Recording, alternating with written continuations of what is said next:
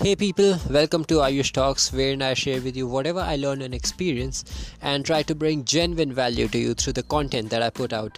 So make sure you listen to the entire podcast and uh, hope you get to learn something new.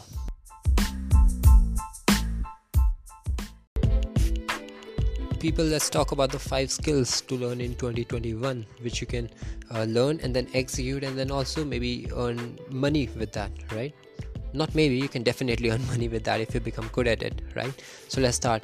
Uh, number one social media marketing. Now what this includes is uh, you as the name suggests you uh, create content for someone else and then market uh, the product for them or the service for them right? And that is your service that you're providing to them. Basically see for example if a brand comes to me and uh, i provide to them social media marketing which means uh, through social media i'm uh, marketing their product or their service um, to a lot of people. Now this can be done in two ways. One is organic second is inorganic.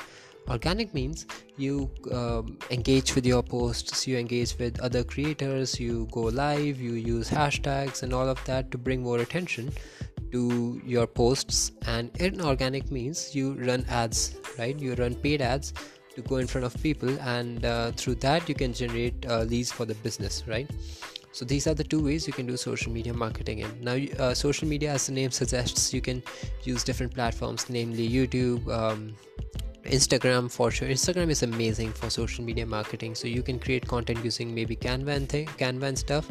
And then after posting you can use meta hashtags and a uh, couple tools.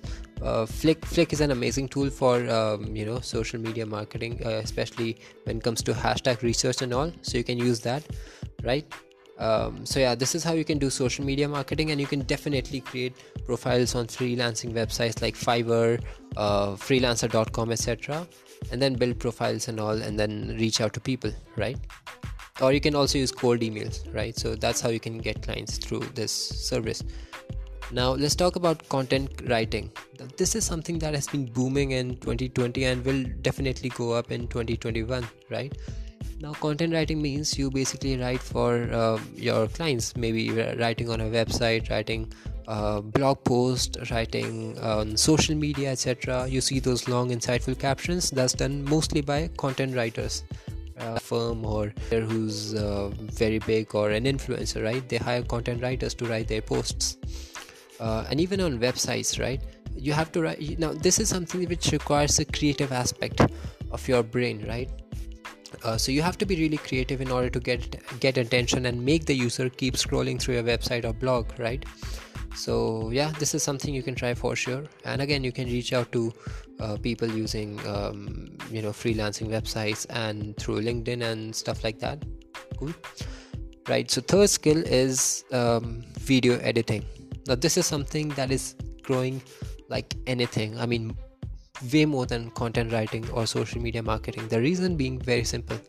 More and more creators are coming on youtube and uh, different platforms different social media platforms and they do require video editors to get their videos edited and you know make them look more professional and um, intriguing and, and exciting right? So they hire video editors for the same.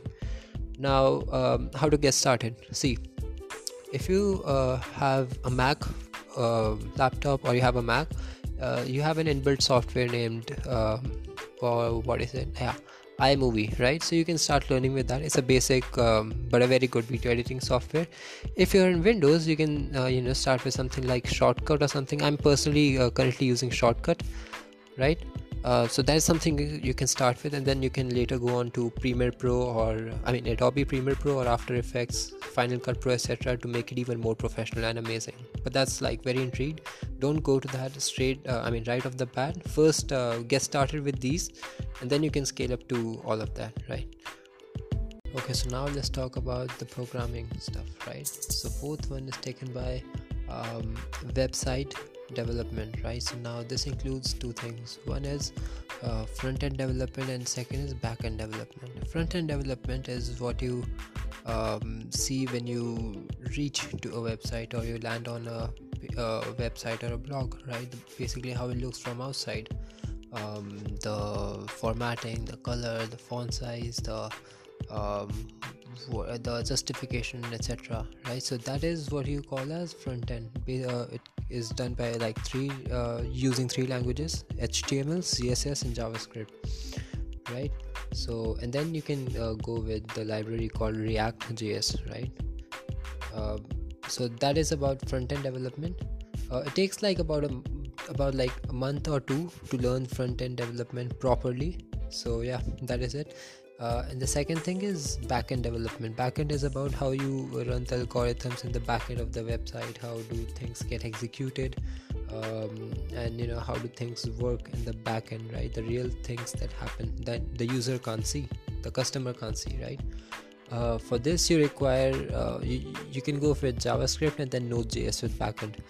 Backend uh, i don't have a lot of knowledge so whatever little i had i just uh, spat it out right? So that is it and coming to the fifth and the most final one is android app development or ios development. Now this is really amazing. This has been growing since the last five to six years tremendously.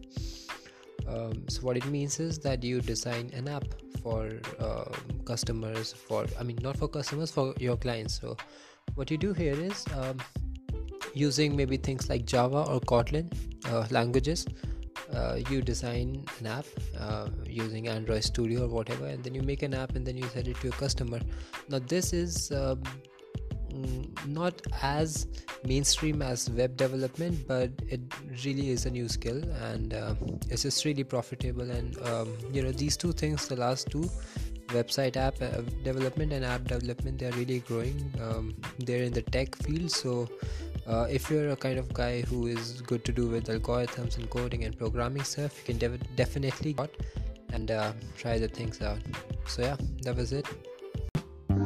So that was it for today guys. Thank you for listening to the entire podcast and uh, hope you enjoyed. Hope you got to learn something new. Um, you can also set up a free consultation call with me. Just dm me on my instagram ayush underscore explorer and we can go ahead with that. Um, and uh, yeah until next time. Bye bye Take care, keep hustling, and uh, see you in the next podcast.